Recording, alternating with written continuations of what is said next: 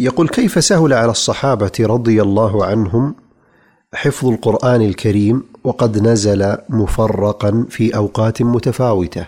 كون القرآن نزل تدريجيا منجما كلما نزل منه تلقاه الصحابة وحفظوه ثم إذا نزل نجم آخر وقسط آخر من القرآن حفظ تلقوه وحفظوه هذا أسهل في الحفظ. من كونه ينزل جملة, جملة واحدة. فهو يقرأ على الناس على مكث كما جاء في القرآن. وهذا يعين على الحفظ.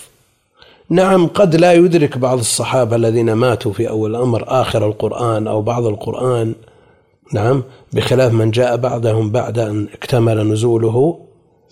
لكن كونه ينزل تدريجيا من رحمة الله جل وعلا على خلقه ليتلقاه الناس تدريجيا آه، مفرقا منجما يحفظ منه كل ما نزل. فهذا من باب الإعانة على الحفظ والفهم. نعم. أحسن الله إليكم.